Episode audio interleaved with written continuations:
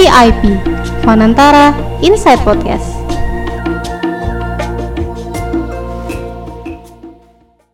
Viewers, welcome back to our Fanantara Inside Podcast. Mengingat angka COVID yang lagi naik ini, jangan lupa untuk terus memakai masker dan menjaga imun tubuh dengan baik ya. Paling wajib itu adalah tetap semangat bagi VIPers yang sedang melakukan aktivitas di rumah aja dan untuk VIPers yang sedang menjalani isolasi mandiri. Semoga segera pulih ya. Oh iya, nggak kerasa nih, VIP sudah berjalan hingga episode ke-40. Saking senangnya, aku sampai lupa memperkenalkan diri. Kenalin, aku Lima. Podcast Panantara kali ini, aku yang akan pandu.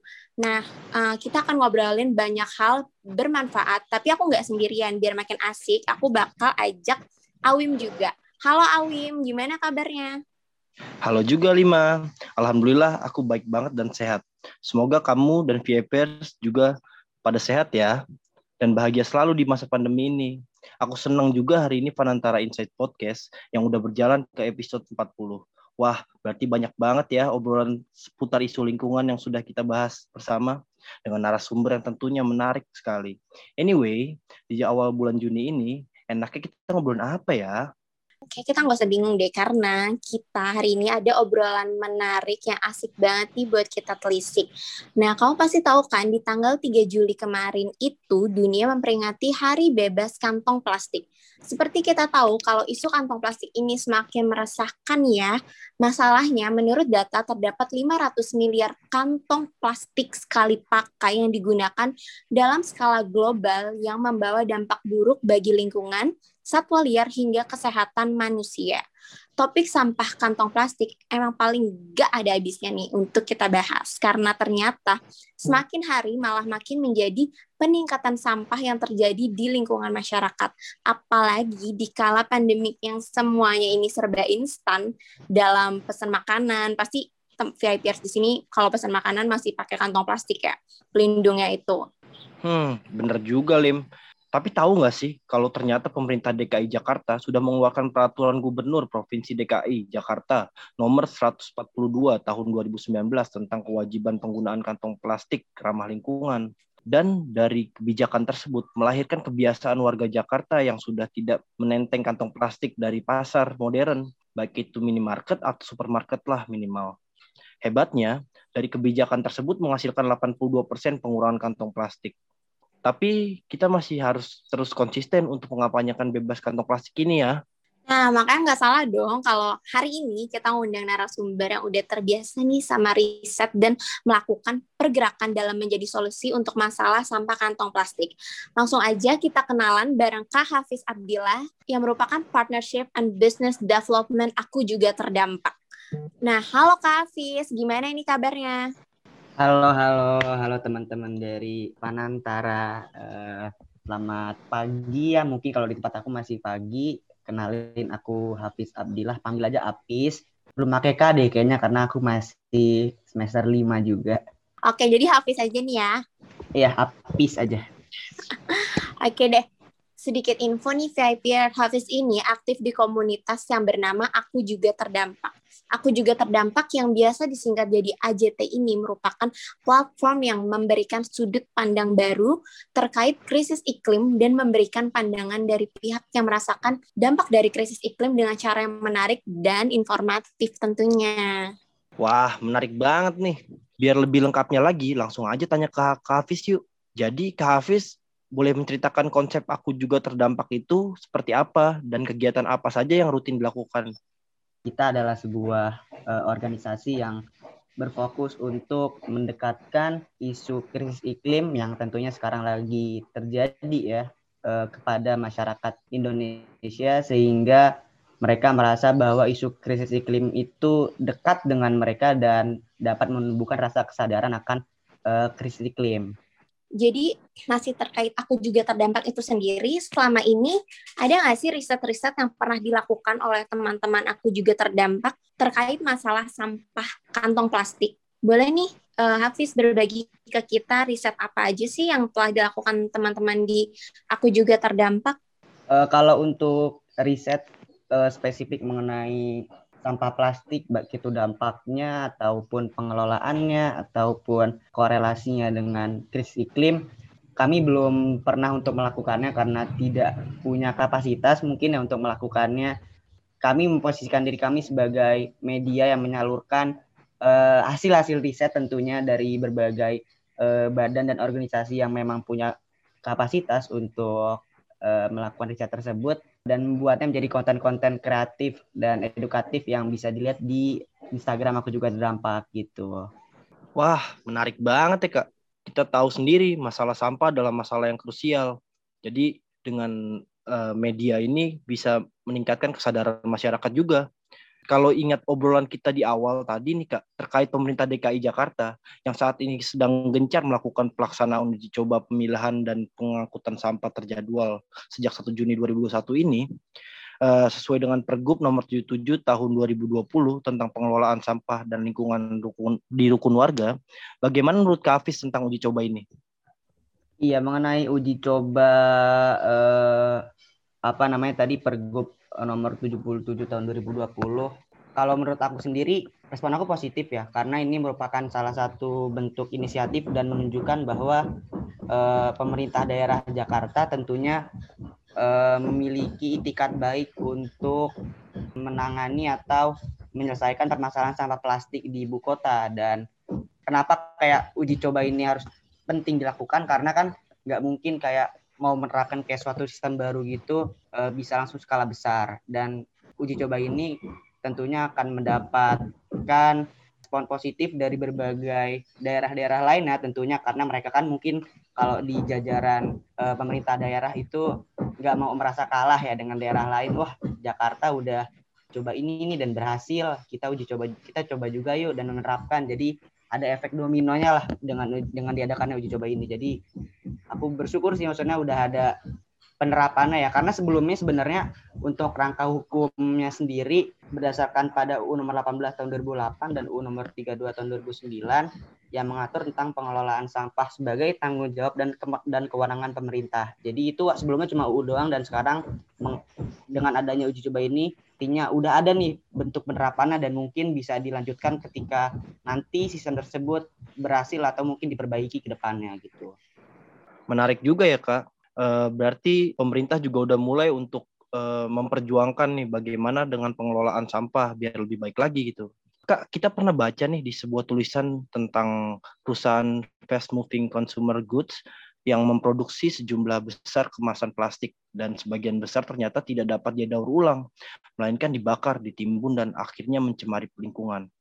Ada penelitian dari Break Free from Plastic yang menganalisis 215 proyek dari tujuh brand besar mengenai pengelolaan sampah kemasan plastik mereka.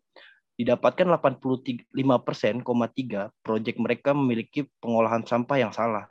Menurut kacamata Kak Hafiz nih, kalau untuk pengelolaan sampah skala besar Kak, kira-kira apakah penanganan nanya sama? Atau Bang bagaimana pandangan Kak Hafiz menanggapi berita seperti ini Kak? Atau ada kasaran yang dapat dibagikan Kak Hafiz bagaimana brand besar konsisten dalam mengolah sampah yang benar? Iya, kalau kita ngomongin permasalahan sampah plastik memang ya nggak jauh-jauh pastinya kita akan berbicarakan yang namanya fast moving consumer goods industry atau yang sering disingkat industri FMCG.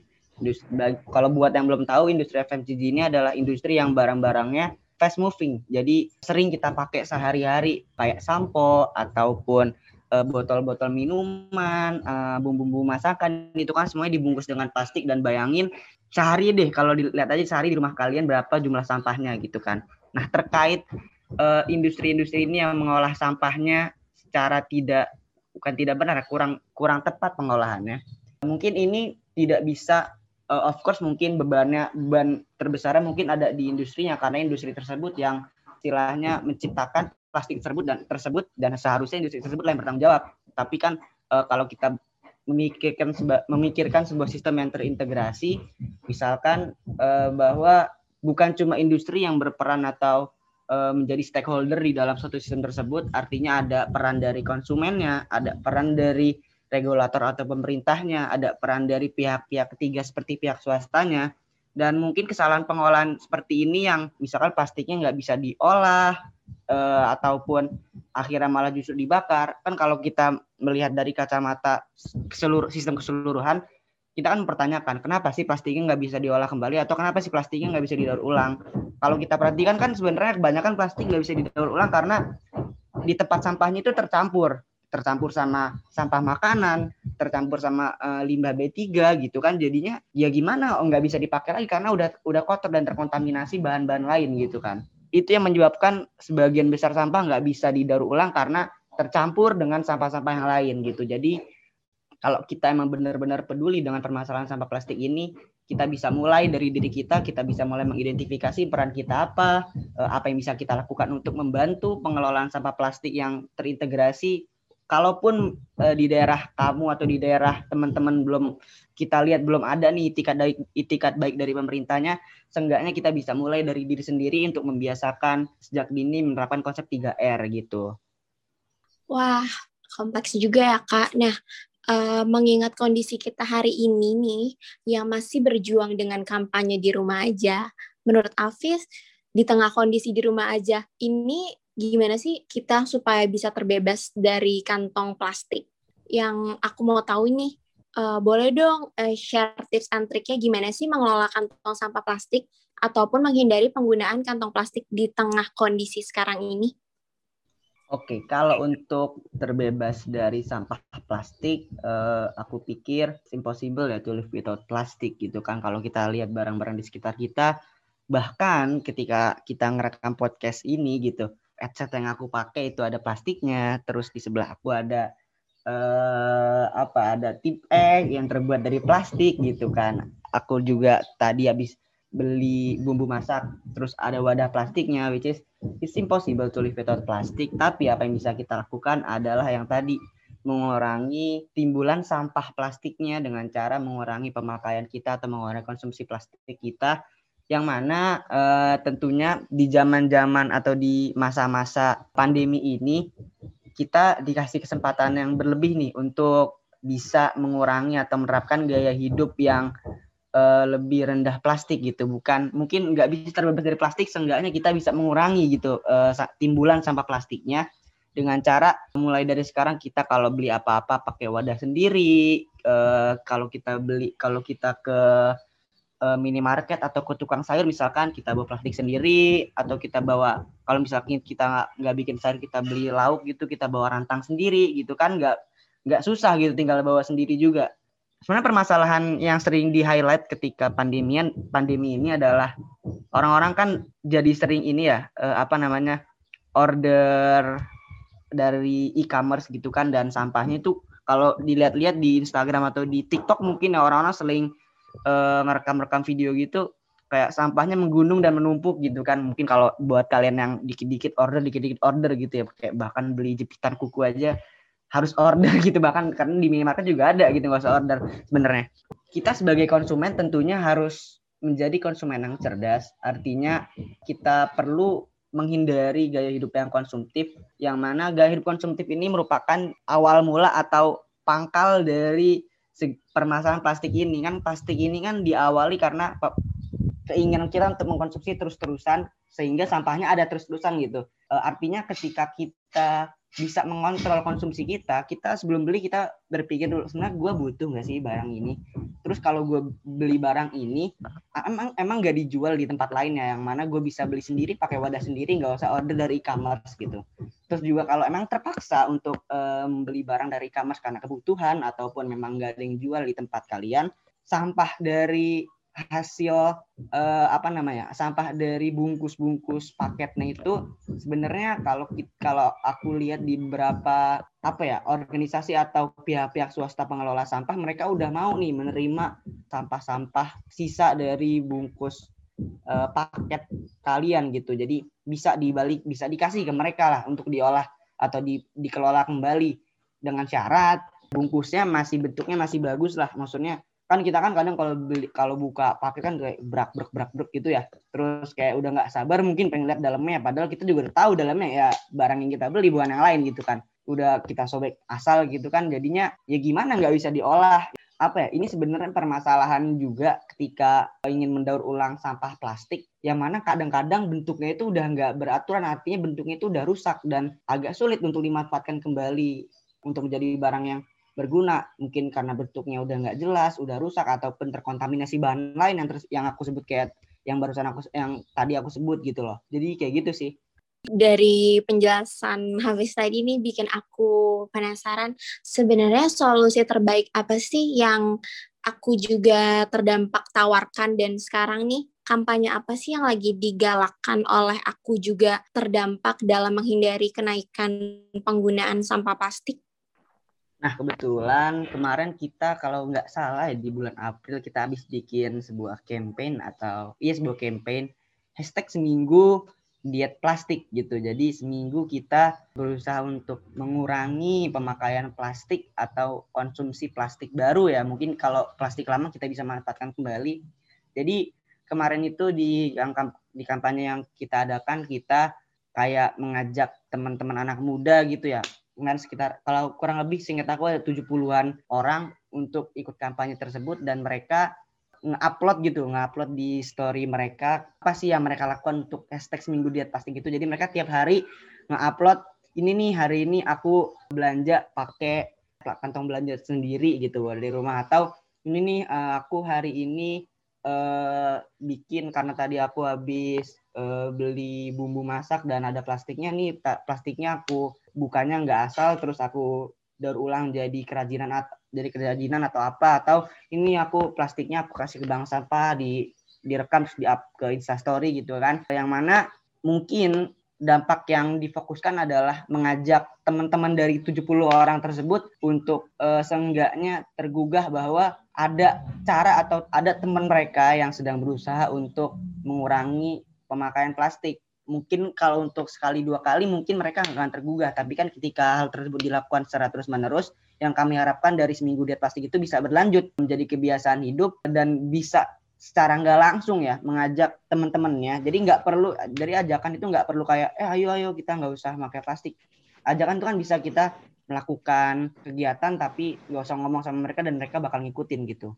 Jadi itu sih yang kemarin uh, eh, AJT lakukan menarik banget sih sebenarnya tentang campaign-campaign yang Kak Hafiz lakuin dan teman-teman di komunitasnya. Jadi sebenarnya bukan hanya dari regulasinya aja yang harus dirubah, tapi dari perilaku kita juga udah mulai harus dirubah. Benar-benar menarik ya kalau udah bahas tentang masalah sampah kantong plastik ini dan rasanya ingin langsung tergerak untuk menjadi solusinya gitu. Seperti yang dilakukan oleh komunitas aku juga terdampak. Benar banget tuh, uh, aku juga setuju banget sama tadi apa yang udah dipaparkan sama Hafiz dan malah jadi pengen ikutan ya, boleh boleh banget kan ya kalau ikutan, ikutan aja gitu. Uh, anyway, bertepatan dengan uh, Hari Bebas Kantong Plastik Sedunia jatuh pada tanggal 3 Juli kemarin nih, pesan-pesan uh, dari Hafiz sendiri untuk pemuda Indonesia dalam menjaga dan mengurangi penggunaan kantong plastik itu boleh dong di-share nih, kasih pesan-pesan ke para pemuda-pemudi itu.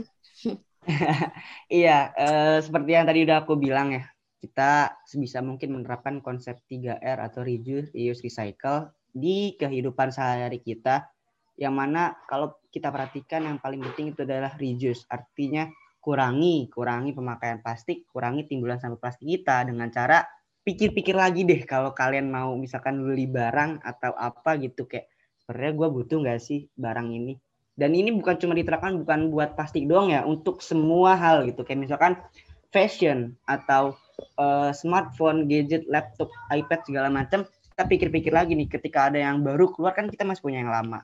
Ketika misalkan kita uh, habis dari sebuah tempat gitu terus dapat kantong plastik kan kita bisa pakai kantong plastik tersebut berulang-ulang kan. Dan itu emang yang uh, diniatkan oleh si pembuat kantong plastik tersebut. Artinya plastiknya bisa dipakai berulang-ulang loh bukan cuma sekali pakai habis itu dibuang gitu. Jadi sebisa mungkin ayo kita terapkan konsep 3R minimal usaha deh kecil-kecilan aja dulu. Ntar mungkin uh, dari yang kecil bisa berubah jadi yang lebih besar lebih besar lebih besar gitu. Uh, jadi emang kita harus um, mengurangi lah pemakaian plastik ini karena emang pada dasarnya dibuat untuk plastik itu sendiri dibuat emang untuk penggunaan yang berkali-kali. Uh, tapi kok kayak ada yang kurang ya kalau kita belum tahu sosial medianya dari aku juga terdampak itu apa. Uh, mungkin Kak Hafiz boleh kasih tahu sosial media yang bisa kita kunjungi perihal aku juga terdampak. Karena kita uh, basisnya di Instagram, uh, bisa cari aja di Instagram aku juga terdampak itu literally aku juga terdampak gitu namanya ya Uh, dan di Instagram tersebut nanti bakal ada linknya mungkin untuk nyambungin ke WhatsApp dan lain dari pihak aku juga terdampaknya. Istilahnya menyampaikan ada apa nih apa yang sekarang aku juga terdampak sedang lakukan gitu. Jadi bisa dibuka aja di Instagram tulis aku juga terdampak. Terima kasih kak. Nah itu dia perjumpaan kita dengan Kak Hafiz dari aku juga terdampak. Tadi kita ngobrolin banyak hal ya mulai dari kenalan sama aku juga terdampak sampai jadi tahu nih dampak dan solusi dari kantong plastik aku jadi semangat nih buat jadi ikutan campaign mengurangi penggunaan kantong plastik. Kalau kamu gimana, Lim?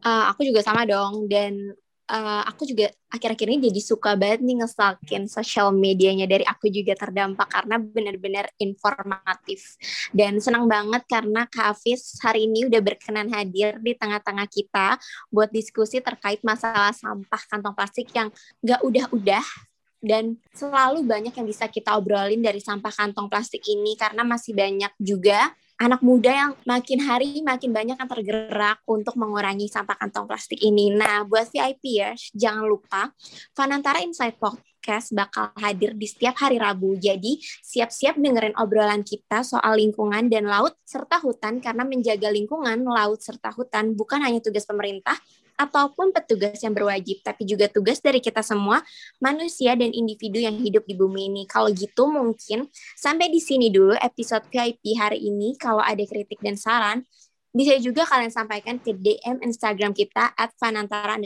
ya. Sampai jumpa. Sampai jumpa.